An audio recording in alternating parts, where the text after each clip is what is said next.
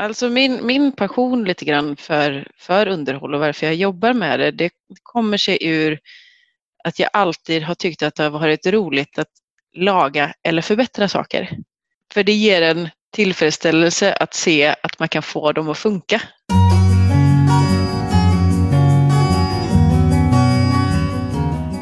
Hej och välkommen till Teknikutbildarkvarten. Du hörde nyss Jenny Friberg på SCA. Hon jobbar just nu i ett projekt på SCA som går under namnet Shape, där hon har rollen som business expert för underhåll. Du ska strax få höra mer om hennes tankar och vart vi är på väg om vi tittar in lite i framtidens underhåll. Men först, hör mitt samtal med min kollega Per Eriksson. Ja, Per, vad jobbar du med just nu? Ja, framförallt så jobbar jag med utbildning i underhåll. Ja. Men sen stötte jag med lite andra webbkurser och grejer här också emellanåt. Ja, det, det, det handlar mycket om utbildning och din specialitet är kanske just det här med underhåll. Hur kommer det sig? Ja, det beror ju på att jag eh, har jobbat med underhåll i stort sett under hela min yrkeskarriär. Då. Ja. Så att eh, det föll sig ganska naturligt när jag fick chansen att, att börja utbilda folk i, i det. Vad är det som är så kul med underhåll då? Hur fastnar man där? Jag vet inte. Det, det är ju mycket slump naturligtvis i, i början. Men Ja. har man börjat med det så, så är det ju en vardag som varierar hela tiden. Så att man får ju stötta olika problem och sådär. Så att det är ut, utvecklande. Ja. Och när vi nu snackar om underhåll så syftar vi kanske speciellt på det underhåll som man måste eh, göra ute på industrier. Och om du skulle berätta ja, den industri som du besökte senast, vilken var det och, eller i vilket ärende? Var faktiskt de tre senaste eh, industribesöken jag gjort då, det har varit eh, inom plastindustri. Mm. Där man gör grejer till, till sjukvården. Ja, Och det jag har gjort där det är att hålla utbildning i grundorsaksanalys då, som vi till och med pratade om när vi pratades vi senast i podden du och jag. ja precis. Du har ju varit med i ett tidigare avsnitt och då pratade vi om det som också går under namnet GOA eller ROA till och med. Ja, Och precis.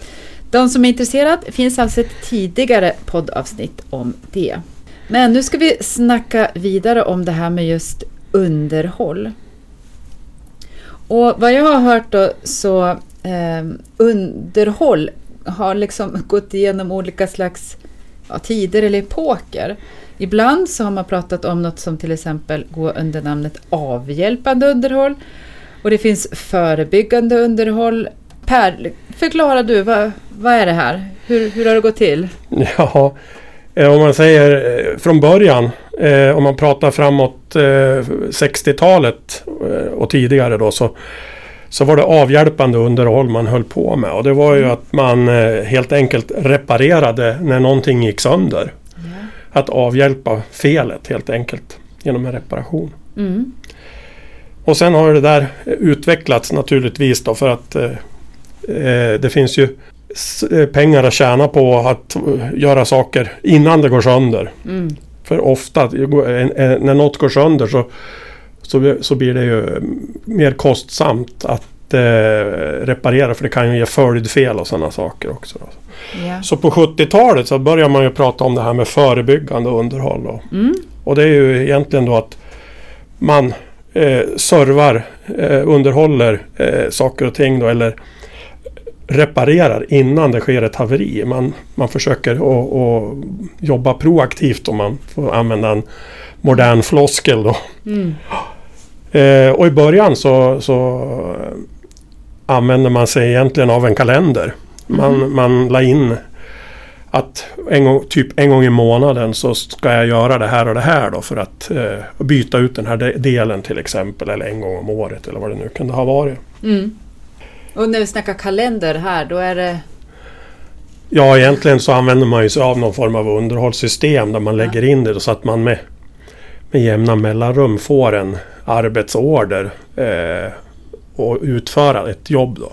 Mm. Det är inte så att man har en kanske en kalender på väggen där det Nej. står. Utan man har ett datasystem i botten. Ja. Och sen eh, börjar man inse att eh, saker och ting går ju inte eh, jämt och ständigt. Så att eh, för att bli eh, bättre på det här förebyggande underhållet då, så börjar man istället mäta gångtid på saker och ting. Då, så att Mm. man istället för att gå på eh, kalendern eh, börjar använda sig av drifttid då, eller antal arbetscykler en maskin kunde ha. Då, så att man Eh, kör, jag, kör jag fortare eller kör oftare så, så måste jag ju serva oftare då. Eller är det något som inte går så ofta då Mm. kan man ju förlänga tiden då istället för att komma en gång i månaden så kanske det räcker att göra varannan månad eller var tredje månad då för att Just det, för Man- man ska, man ska inte heller underhålla för mycket såklart.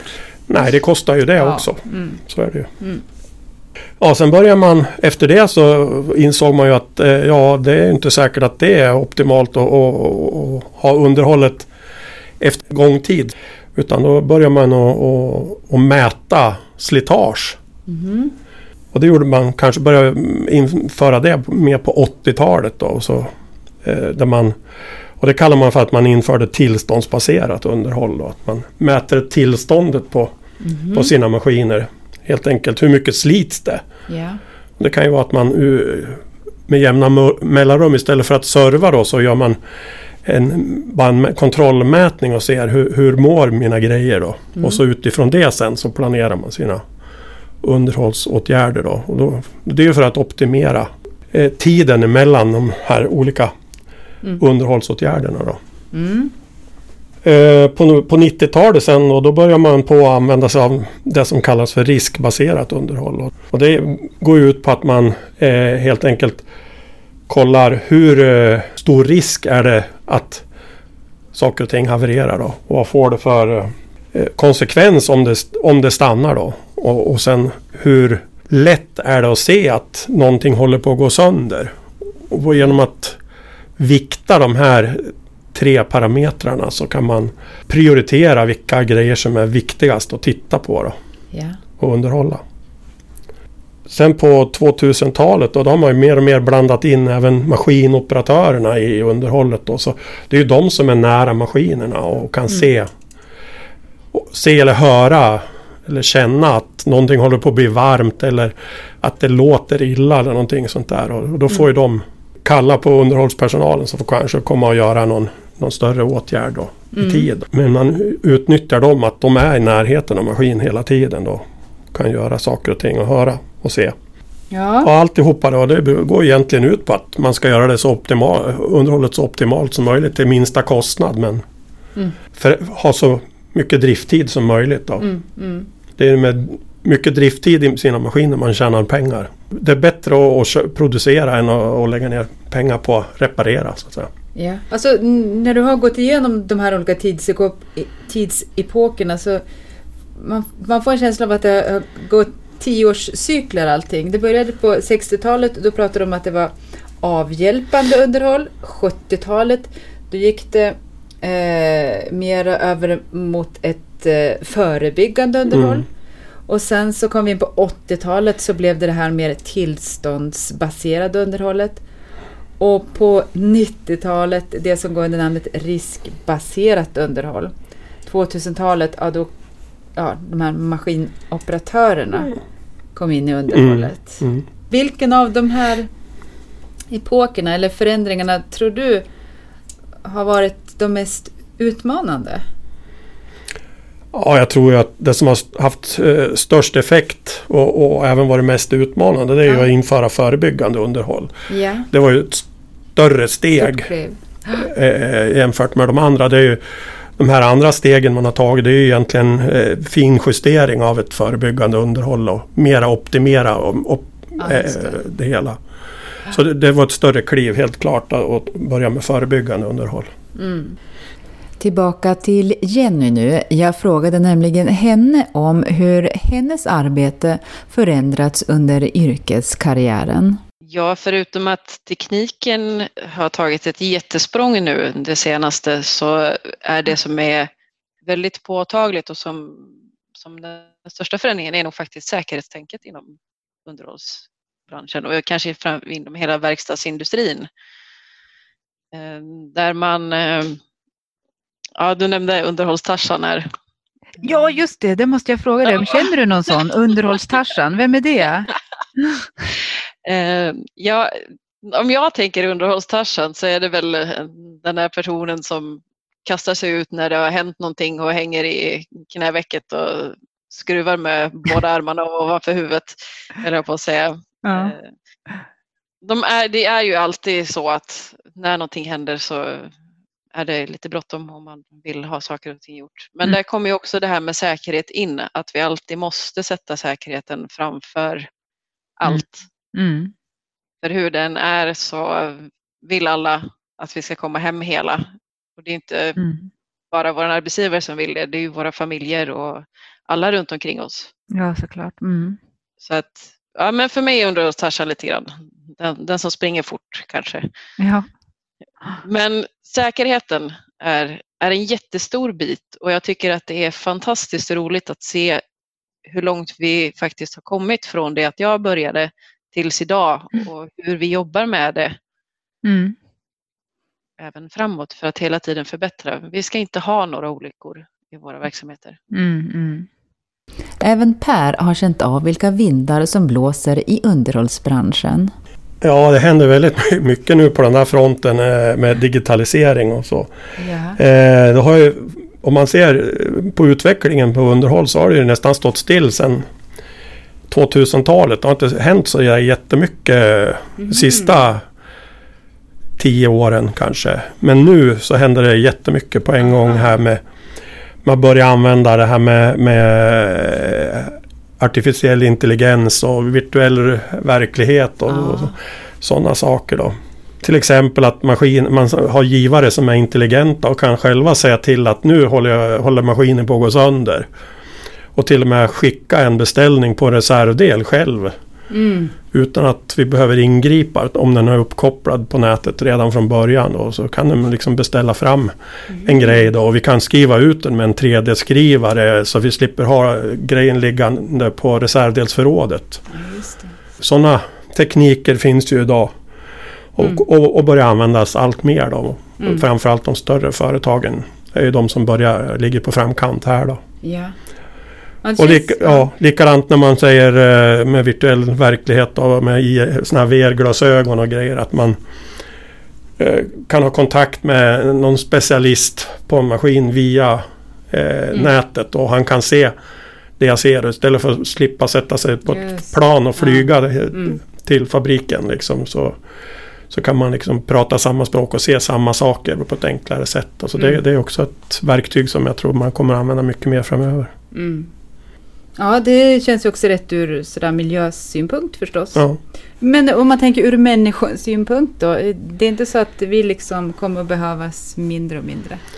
Nej, jag tror snarare att eh, eh det kommer att dröja väldigt, väldigt länge innan, innan vi försvinner bort på det här viset. Eh, utan däremot så tror jag att eh, rollerna eh, mm. blir annorlunda och eh, andra yrken kommer att skapas ja, det. kring det här de enkla arbetsuppgifterna för, kommer att försvinna i industrin mera då, och det krävs mm. mer och mer kompetens ah. för att serva. Hur den är så kommer vi ju att behöva kanske skruva och, och, och byta saker. Mm. Det kommer att dröja länge tror jag innan maskinerna blir självlagande. Mm, mm. Eh, en sista fråga Per. Har du eh, träffat underhållstarsan någon gång? Eller förresten, du kanske, var, du kanske själv är underhållstarsan? Jag har väl kanske varit möjligen. Är det så? Ja, till viss del i alla fall. Mm. Eh, då. Eh, det kan man nog säga.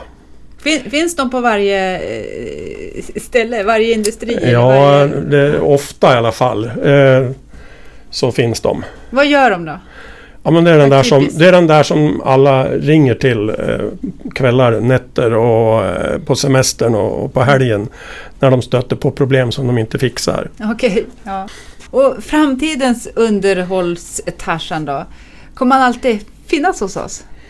Jag hoppas ju att underhållstarsan är på utdöende och att eh, mm. hjältarna framöver kommer att vara de här som eh, ser till att saker och ting inte går sönder istället för att hjälten är den som kommer och reparerar när saker och ting har gått sönder. Ja. Och frågan är, kommer den här nya underhållstarsan verkligen att bli en... Kommer han synas att han gjort hjältedåd? Nej, jag tror det är den stora utmaningen eh, för framtiden. Att, att vi firar de här som har gjort det i det fördolda. Ja. De som smörjer i, tid och på rätt sätt och de som mm. lagar innan det har gått sönder och sköter sitt eh, förebyggande underhåll i rätt tid och på, på rätt sätt. Mm. Eh, men det, jag tror att för, det är en ledningsfråga i företagen och, och, och kanske mäta tiden mellan stoppen och, och, och, fira och hylla de som när vi sätter rekord på hur länge det kan gå i, utan stopp och sådana saker. Mm. Så att det, de här får märkas istället för då har vi möjlighet att få den här motivationen som Tarzan har idag. Mm, mm. På ett annat sätt bara.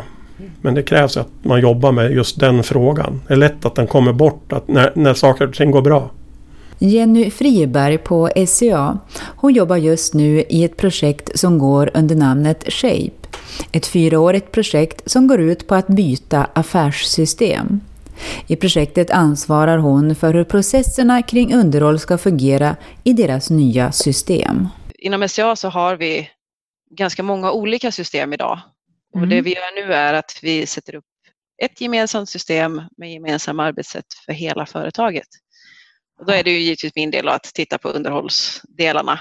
Och mm. det, det är nog så stor utmaning med alla våra verksamheter som är ganska olika och idag jobbar väldigt olika i flera olika system. Mm, mm. Det, vår första implementation kommer att ske i oktober mm. och då är det våra hyvlerier i Tunadal och i Stugun där vi kommer att börja. Ja. det är relativt små verksamheter och för dem blir det väldigt spännande för de har idag inget underhållssystem. Mm. Så att, eh, för dem blir det mycket nytt. Mm. Eh, men eh, de är, de är väldigt taggade. Mm. Vi har stort stöd utifrån verksamheterna. Ja. Det, jag ser ju så otroligt mycket möjligheter med, med den nya tekniken som, som kommer. Mm. Men även om det går fort på utvecklingssidan så kanske inte implementationsdelen är lika enkel. Mm. Vi har ganska traditionsbundna verksamheter och det är inte helt lätt då att slå sig in med ny teknik. Mm. Och så länge den inte är beprövad mm. och man faktiskt vet vad man får så kan det vara lite svårt att få igenom ja. en del saker. När det är nytt och oprövat så kostar det väldigt mycket. Mm. mm. Men vinsterna som vi ser framåt kommer att bli väldigt stora också. Mm. Och då tänker jag kanske framförallt på någonting som vi pratar om. Vi har väldigt mycket data. Mm. Men den datan finns ju oftast i flera olika system som idag inte kommunicerar med varandra. Ja, just det. Mm. Så att någon, någonting som jag har kämpat för eller någonting som jag brinner för det är ju ett digitalt beslutsstödssystem. Mm. Och för mig innebär det att man, man kopplar ihop den här datan från olika system ja. med hjälp av teknik. Kanske använder ett AI, algoritmer, för att ja. hitta samband och synergier mellan olika mm. data för att sedan presentera information till den personen som behöver det i rätt tid. Mm, mm. Och då i syfte att vi inte ska ha några oplanerade stopp. Mm. Att vi kommer ha stopp, det, mm. så är det ju för allting slits ju utifrån att mm. man, man använder det normalt sett också. Men att vi ska alltid veta när det ska inträffa så att vi kan ställa för det på ett bra sätt. Och det handlar ju också jättemycket då om säkerhet. Ja. Vet vi när någonting ska hända så kan vi vidta de försiktighetsåtgärder som vi behöver för att det ska vara ett säkert stopp. Mm, mm. Hur, hur, långt har vi kommit då i det här tycker du? Det börjar komma mer och mer. Jag vet att för kan det vara, fyra år sedan så satt vi och spanade och spånade lite grann. Mm. Och då, då såg vi det här som en del. Vi ja. tittade på, ja, men tänk om man kunde använda AR, Augmentative Reality, glasögon för, som stöd för våra medarbetare ute i verksamheten. Mm. Och det gick kanske inte mer än ett år innan jag fick veta att ja, men det här finns ju redan. Ja. Och då tyckte vi att vi var väldigt framsynta när vi sa det. Så att mm. den utvecklingen, idag så finns det ju kanske inte i så stor skala men det kommer mer och mer. Mm. Eh, vi ser energianläggningar nere i Stockholm som mm. har börjat koppla upp sina anläggningar och där man ser att man, man har en högre driftsäkerhet till följd, eller som eh, mm. en verkan utav det. Då. Yeah.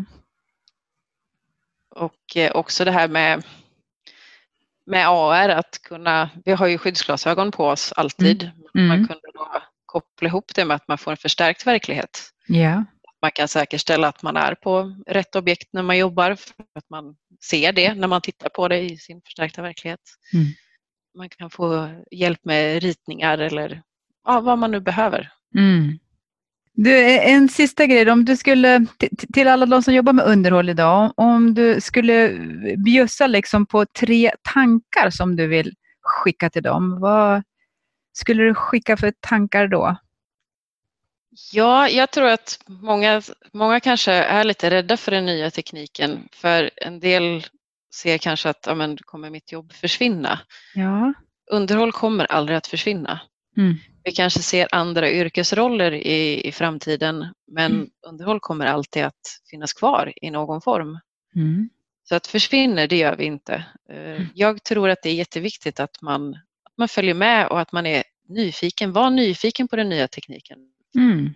För den nya tekniken ska inte vara ett hinder. Den ska ju hjälpa oss till att bli ännu bättre. Tack Jenny och tack Per för era tankar i det här avsnittet av Teknikutbildarkvarten. Ursäkta att jag drog över tiden en aning. Nästa avsnitt, då får du träffa Jonas som jobbar med livsavgörande utbildning.